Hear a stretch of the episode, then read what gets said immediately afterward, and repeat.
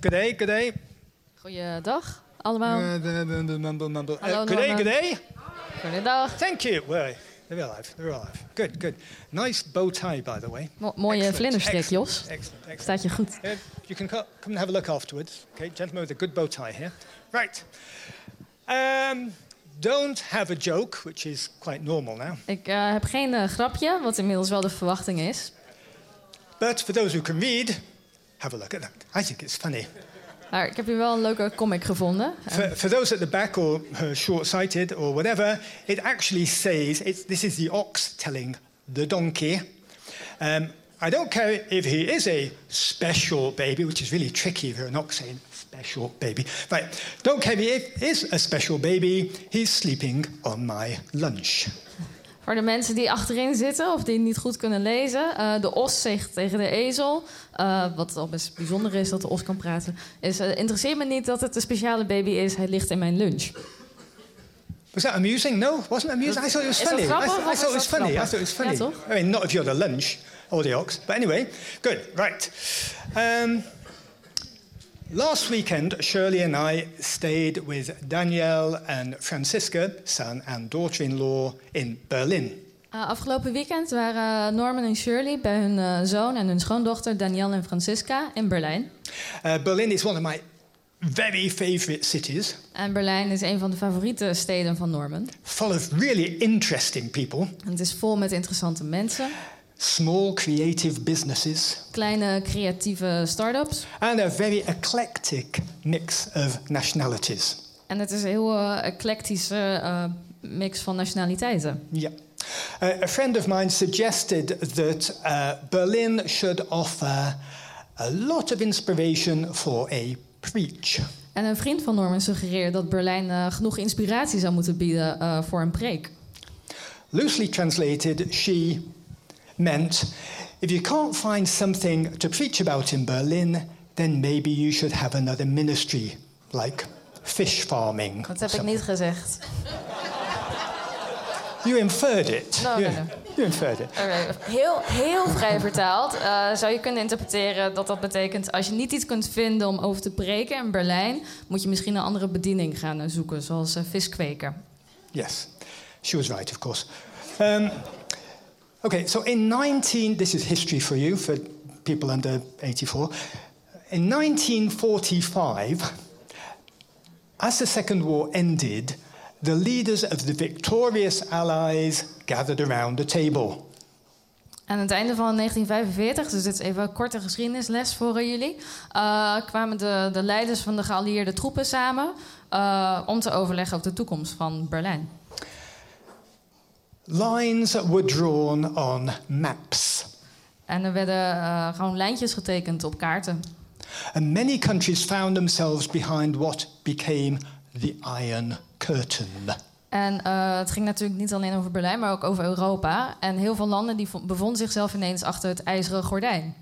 And the city of Berlin itself, once the very heart of the German Reich, the Third Reich, of course, En eh, dus de stad Berlijn, wat ooit het hart was van het Derde Rijk... it was divided up into the US, British, and French sectors on the, in the west. That's the west, isn't it? Yes, in the west. Ja, die werden in het westen... eh, Berlijn werd opgedeeld in het westen eh, in een Frans gedeelte... een Brits gedeelte en een Amerikaans gedeelte. East Berlin in the east, En ja, of course. The logical, right?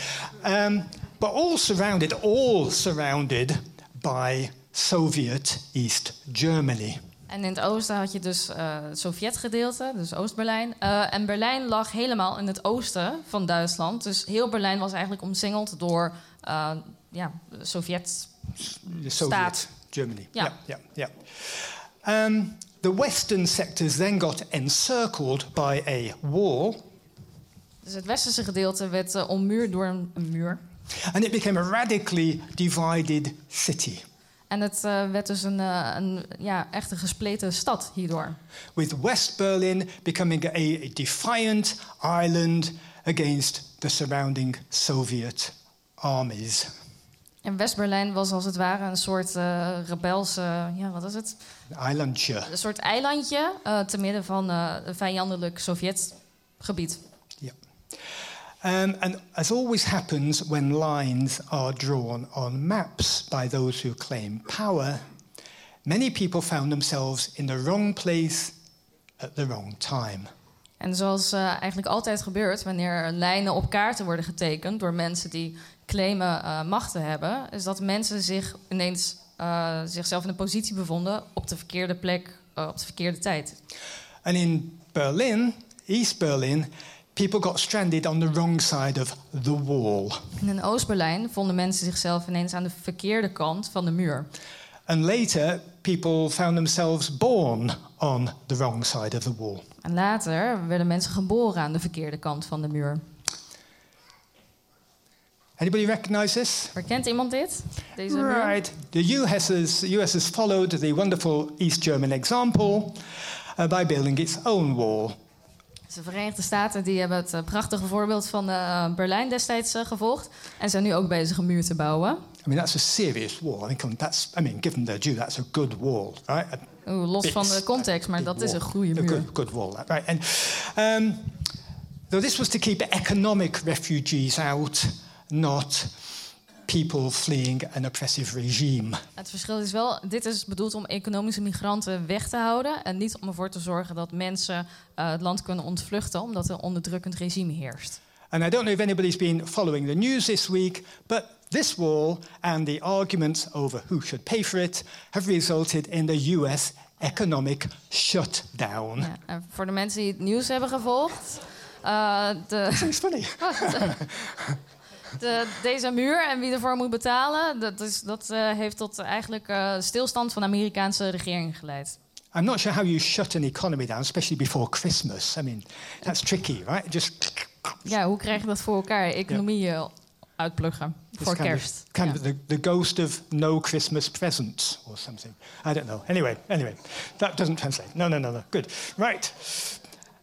Uh, of course, I mean, not to be outdone, Mexico has built a wall on its border with Guatemala. Mexico heeft ook een muur gebouwd dat, uh, aan het stuk dat grenst aan Guatemala. That's actually a bigger wall. That's a good. That's a better wall. Dat is een nog anyway. betere muur, want hij is groter.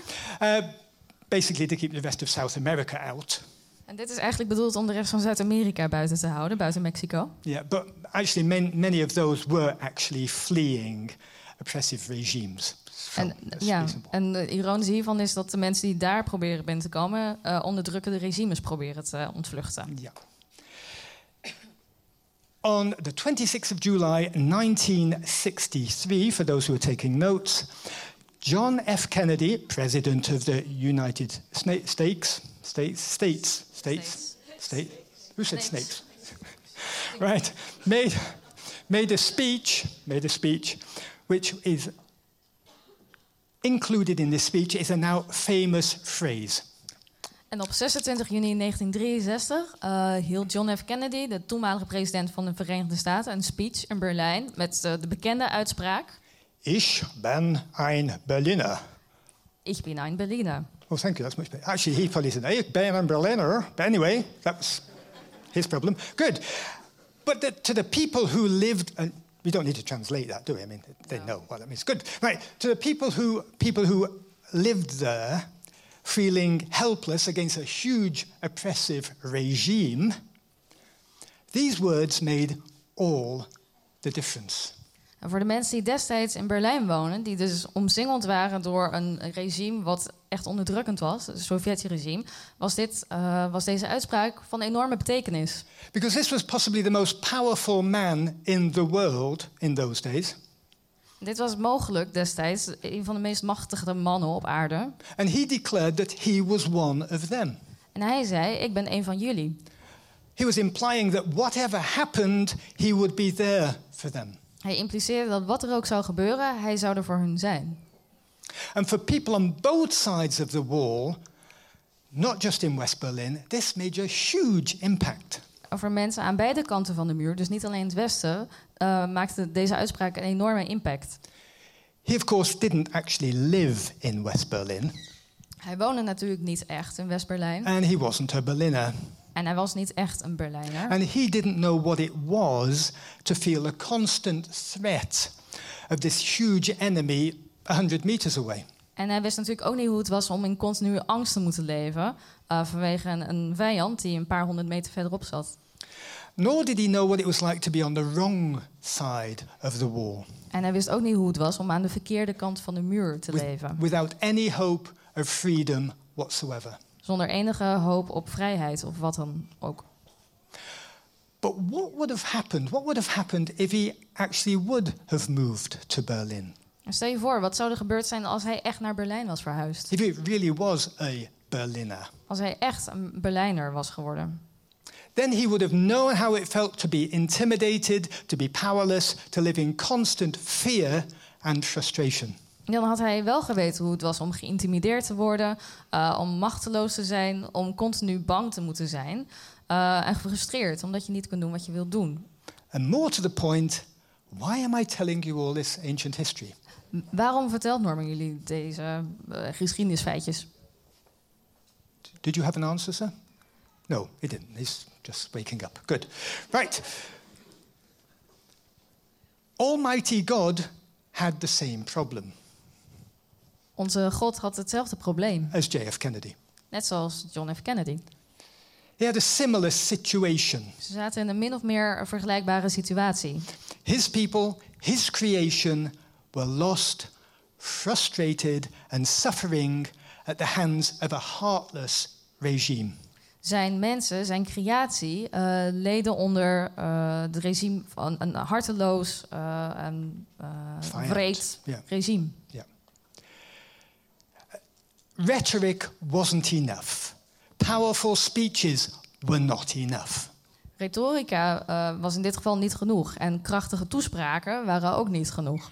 He had to actually do something, do something to free his people. Hij moest echt actief iets gaan doen om zijn mensen te bevrijden. So, as we know, he devised a radical plan. En zoals we weten, uh, zette hij een, een, een vrij radicaal plan op. The only way God could rescue them was to live with them, to die for them. Basically, a suicide plan. De enige manier waarop God uh, zijn mensen kon redden was onder hen te gaan wonen en voor hen te sterven. Het in principe een soort zelfmoordmissie is. So he became one of them. Zij bekwam één van hen. John 1 verse 14 says, The Word became flesh and lived amongst us. We saw his glory, such glory as of the one and only Son of the Father, full of grace and truth. In Johannes 1,14 staat: Het woord is vlees geworden en het heeft onder ons gewoond. En we hebben zijn heerlijkheid aanschouwd. Een heerlijkheid als van de enige geborene des Vaders, vol van genade en waarheid. To relate to them, to his people, God had to become human completely. Dus voordat God. Uh, To relate, to um, emp- empathize, to begrijpen. ja, om om uh, mensen volledig ja, uh, te begrijpen, relatie met ze op te bouwen, moest hij een van hen worden, volledig. But to sacrifice himself for them, he had to be God completely. Maar voordat hij zichzelf kon opofferen voor mensen, moest hij volledig God zijn. It wouldn't have worked otherwise. Anders had het niet gewerkt. You see, lots of good people have died for other people. But only God could do this. En er zijn genoeg goede mensen die hun leven hebben opgeofferd voor andere mensen, maar alleen God kan dit doen. To take on the whole power of humanity's enemy. Om de, de, de krachten op zich te nemen, uh, volledige krachten van de vijand van de mens, mensheid. To die in order to defeat that power. En dan te sterven uh, om op die manier die kracht te verbreken. Only God had the position and the authority to do that. Alleen God had de positie en de autoriteit om dat te doen. So he became Jesus, a vulnerable little Jewish baby in an occupied nation. Dus uh, hij uh, werd Jezus, een klein kwetsbaar Joods babytje uh, in bezet gebied. Not with a remarkably auspicious beginning, actually. En hij had niet echt een heel veelbelovend begin. Uh, his mother was an almost unmarried teenager. Zijn moeder was uh, zo goed als een uh, ongetrouwde tienermoeder. They believe possibly 13 or 14 years of age, because that's. Vermoeden is dat ze rond de 13, 14 was destijds. Um, fortunately, an angel had a word with uh, Joseph, who married her before the baby was actually born. Maar gelukkig uh, uh, had een engel een gesprekje met Jozef, die met Maria trouwde voordat de baby was geboren. And Jesus' ancestors weren't actually all too good either. En de, de voorouders van Jezus waren ook niet allemaal super kosher. If you, if you look at Matthew 1, um, verse 5, etc., etc., etc., etc., etc., kosher, yeah, very good. what did I just say? okay, Matthew 1, verse 5, etc. Good. Right. One was Rahab. Anybody know Rahab? Rahab? Eentje was Rahab. Yes, yes, Weten we nog wie yeah, Rahab yeah, is? Yeah, yeah, yeah, ja, aantal, mooi. Uh, prostitute living in Jericho who betrayed her own people. Een prostituee die in Jericho uh, woonde en die in principe haar eigen mensen verraadde. Another was uh, Tamar, Timar, Tamar, depends Tamar. where you live, Tamar, Tamar, Tamar, right, good. Anyway, who had really bad taste in husbands. Uh, een ander was uh, Tamar en die had een hele slechte smaak in mannen. And then pretended to be a hooker and slept with her father-in-law. Die deed alsof ze een prostituee was, zodat ze naar bed kon met haar schoonvader. Genesis chapter 38. Staat in Genesis vers 38. Yes. Yet another was a Bathsheba, originally somebody else's wife Uh, we hebben ook nog Bathsheba, die uh, eigenlijk de vrouw was van iemand anders. in the beginning. Anyway, Ooit. then she tried to manipulate her son into giving her late husband's wife to her stepson. Die probeerde haar zoon te manipuleren dat uh, de vrouw van zijn vader, de- van zijn vader uh, overleden vader inmiddels, uh, zou trouwen met de stiefzoon van Bathsheba. Ik ben hem ook kwijt hoor. Maar Very good. So, are, are we talking dysfunctional family here? als, je, als je het hebt over dysfunctionele guys. familien. And that, that was his heritage. En dit was dus het nest waar Jezus uitkwam. I mean, if you, if you were God, not that you are, if you were God, if you were God, picking a family to entrust the Savior of the world to, maybe you would have picked a slightly different one, right? Dus als jij God zou zijn, misschien had je dan al andere familie uitgekozen om daar de redder van de mensheid in geboren te laten worden. But God has a remarkable habit of choosing the most unlikely. Maar God heeft uh, de gewoonte om het meest onwaarschijnlijke uit te gaan zoeken. For instance, at his birth, the angels first told the shepherds. Uh, bijvoorbeeld, toen Jezus geboren werd, uh, vertelden de engelen het eerst het goede nieuws aan de schapenherders. Interestingly enough, shepherds weren't just low income farm laborers. Uh, schapenherders waren destijds niet alleen uh, zeg maar lage inkomen arbeiders. They were classed as officially unclean. Ze waren officieel onrein in die tijd.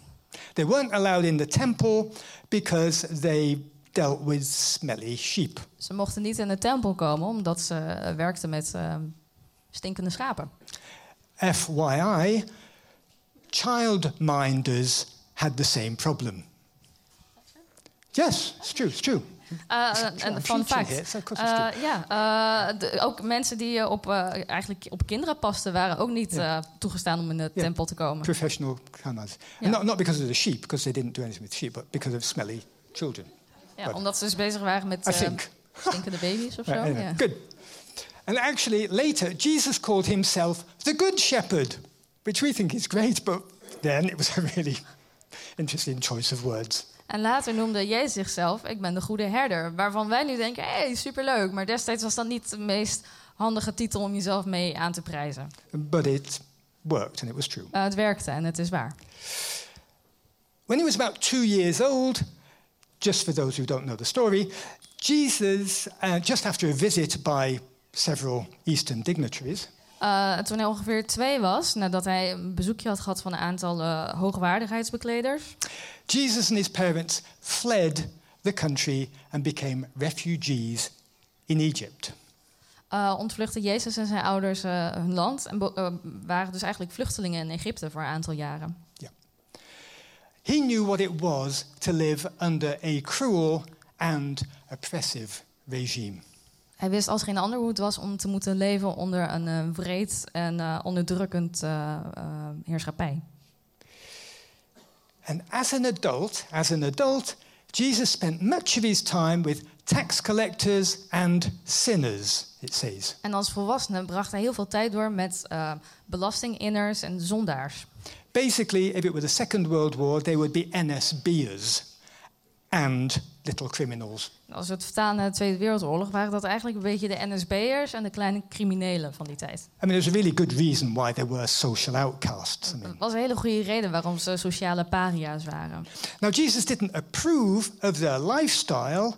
I mean, they were sinners, right? It says they were sinners. En hij keurde hun manier van leven niet goed. And but in Matthew 9 and 10 it says as Jesus was having a meal with Matthew, the tax collector, in his house, many tax collectors and sinners came and ate with Jesus and his disciples. Maar Matthäus 9, uh, vers 10 staat: uh, terwijl Jezus een maaltijd had uh, in het huis van Matthäus, de belastinginner, kwamen er veel belastinginners en zon, zondaar, zondaren naar hem toe en aten met Jezus en zijn discipelen. And in that culture, in that culture, if you ate and drank with someone, you were acknowledging them, you were honoring them. En in die cultuur, wanneer je uh, aan tafel ging om te eten en te drinken met iemand, dan eerde je iemand. Je erkende iemands bestaan. And uh, one of the characters he had dinner with also at another time was Zacchaeus, the uh, tree climbing tax collector. Een andere figuur waar Jezus ook uh, een maaltijd mee heeft gehad is Zacchaeus, de, de boomklimmende belastinginner. Right. Interestingly enough, Zacchaeus would have been excluded from the temple because he was too small. Nog een fun fact: Zacchaeus die mocht waarschijnlijk ook niet de tempel in, omdat hij te klein was. In Old Testament, you laugh, you're not that guy. Come on. No. In Old Testament law, in Old Testament law, people who were too tall or too small or had some physical defect, like a squidge in their eye or something, were not allowed to worship in the temple. In de Oud-testamentische wetten staat uh, mensen die te lang waren of te klein, uh, of die een bepaald fysiek uh, mankement hadden, mochten niet in de tempel komen om God te aanbidden. Now, that is exclusion. And exclusion usually causes reaction, right? En dat is in principe buitensluiting. En als je mensen buiten gaat sluiten, reageren mensen daarop. I'm not sure I should say this, but, but women, women, ladies, ladies, were also considered inferior. I didn't say it, says the Bible. Destijds uh, werden vrouwen ook gezien als minderwaardig. They weren't allowed to vote. Ze mochten niet stemmen. No, um, or enter the main part of the temple. Ze mochten ook niet in het belangrijkste deel van de tempel komen. Or witness in court because they were considered liars. En ze mochten ook niet als getuigen optreden uh, voor de rechtbank, omdat hun getuigenis um, ja, niks waard was, of ze werden gezien als leugenaars. It's in the Bible. It's in the Bible. Staat but, in de Bijbel. But they were the first people Jesus appeared to when he rose from the grave. That's an honor. Vrouwen waren wel de eerste mensen aan wie Jezus zichzelf liet zien toen hij opstond uit de dood. Dat is pas een eer. So what am I saying? Dus wat, wat probeert Norman hier te zeggen? God does not always play by our rules. God uh, speelt niet uh, volgens onze regels. He doesn't obey our socially correct divisions. Hij, uh, What's a socially hij, is niet, correct hij is division? niet gehoorzaam aan onze sociale correcte uh, regeltjes. Scheiding, uh, regeltjes. Yes, very good, very good. Our God never was, never will be, held down and restricted by our understanding of how He should do things. En onze God uh, heeft zich nog nooit en zal ook nooit uh, zichzelf laten inperken door ons, uh, ons begrip, ons voorstellingsvermogen van hoe hij dingen zou moeten doen. or which people he should approve of. Of welke mensen hij, eh, ja, should approve of, welke mensen hij eh, goed zou moeten vinden. Yeah. He so often uses the most unacceptable people. Hij gebruikt heel vaak de, meest, eh, de minst eh, geaccepteerde mensen as his most powerful witnesses. als zijn meest krachtige getuigen. Our God is not politically correct, Onze God is niet politiek correct, but he's always full of surprises. maar hij is wel altijd vol verrassingen. Aslan is not a tame lion. Aslan is geen tamme leeuw. So, how about we ask the Lord to erase our dividing lines? Dus uh, is misschien een idee om God te vragen of hij uh, onze scheidslijnen wil verwijderen.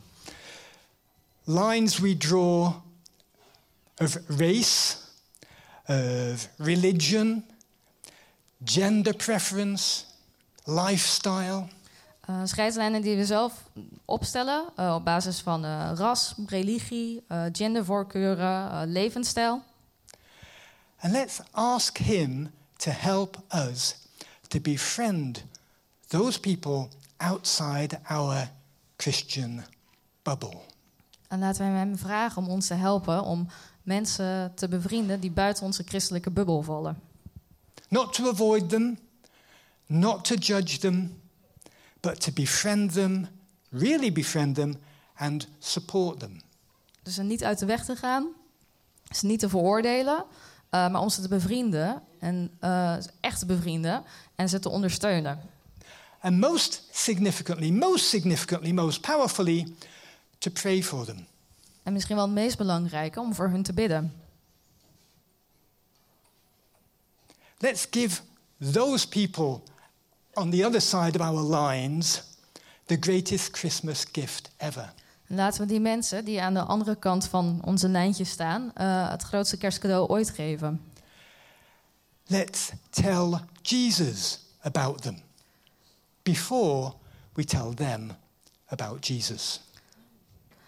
Dus laten we Jezus over hen vertellen voordat we hen over Jezus vertellen.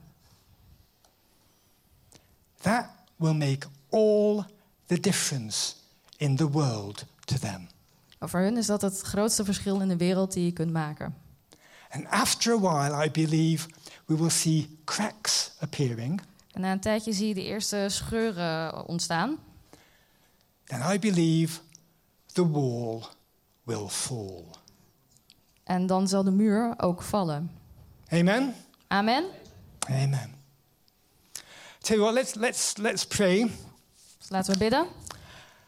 And let's pray that the Lord will show each one of us the lines that we've drawn, the dividing lines. En laten we bidden dat God aan ieder van ons laat zien welke scheidslijnen wij hebben opgesteld.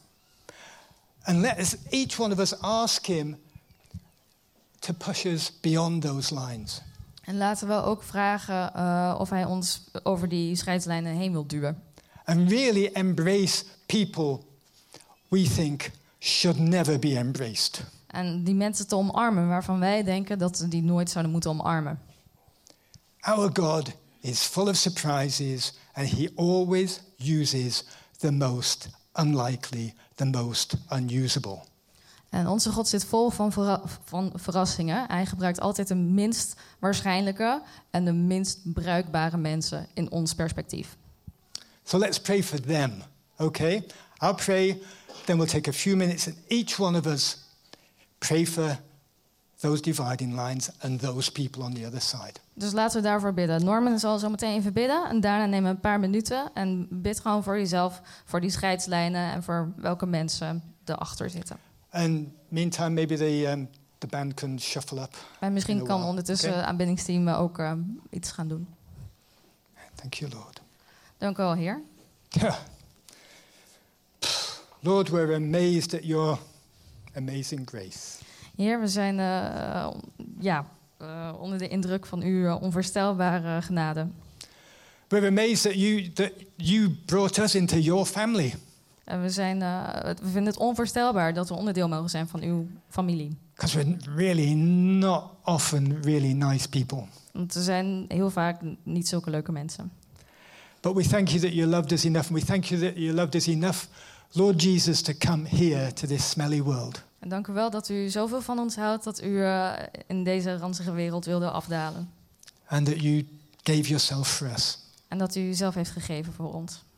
And especially because you gave yourself for people who did not deserve anything. En vooral dat u uzelf heeft gegeven voor mensen die helemaal niets verdienen. Thank you for that.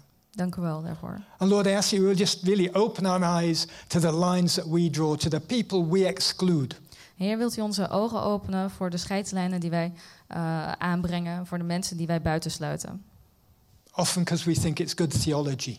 Vaak omdat we denken dat het goede theologie is. And we're sorry for that, Lord. Heer, en dat spijt ons. So just speak with us now, Lord. And Lord, set us free to love the unlovely, to love the people you loved, to do what you did, Jesus. En Heer, wilt u ons vrijzetten daarvan? En wilt u ons helpen mensen lief te hebben die, um, waarvan het heel moeilijk is om ze lief te hebben, of waarvan het onmogelijk is, Heer, om ze lief te hebben, maar waar u van houdt. Yeah, thank you, Lord. Thank you, Jesus. Amen. Dank u wel, Heer. Amen. Okay, let's take a few minutes, guys. Shut down, shut your eyes. Let's pray for Oké, those en neem een paar minuten en bid voor jezelf.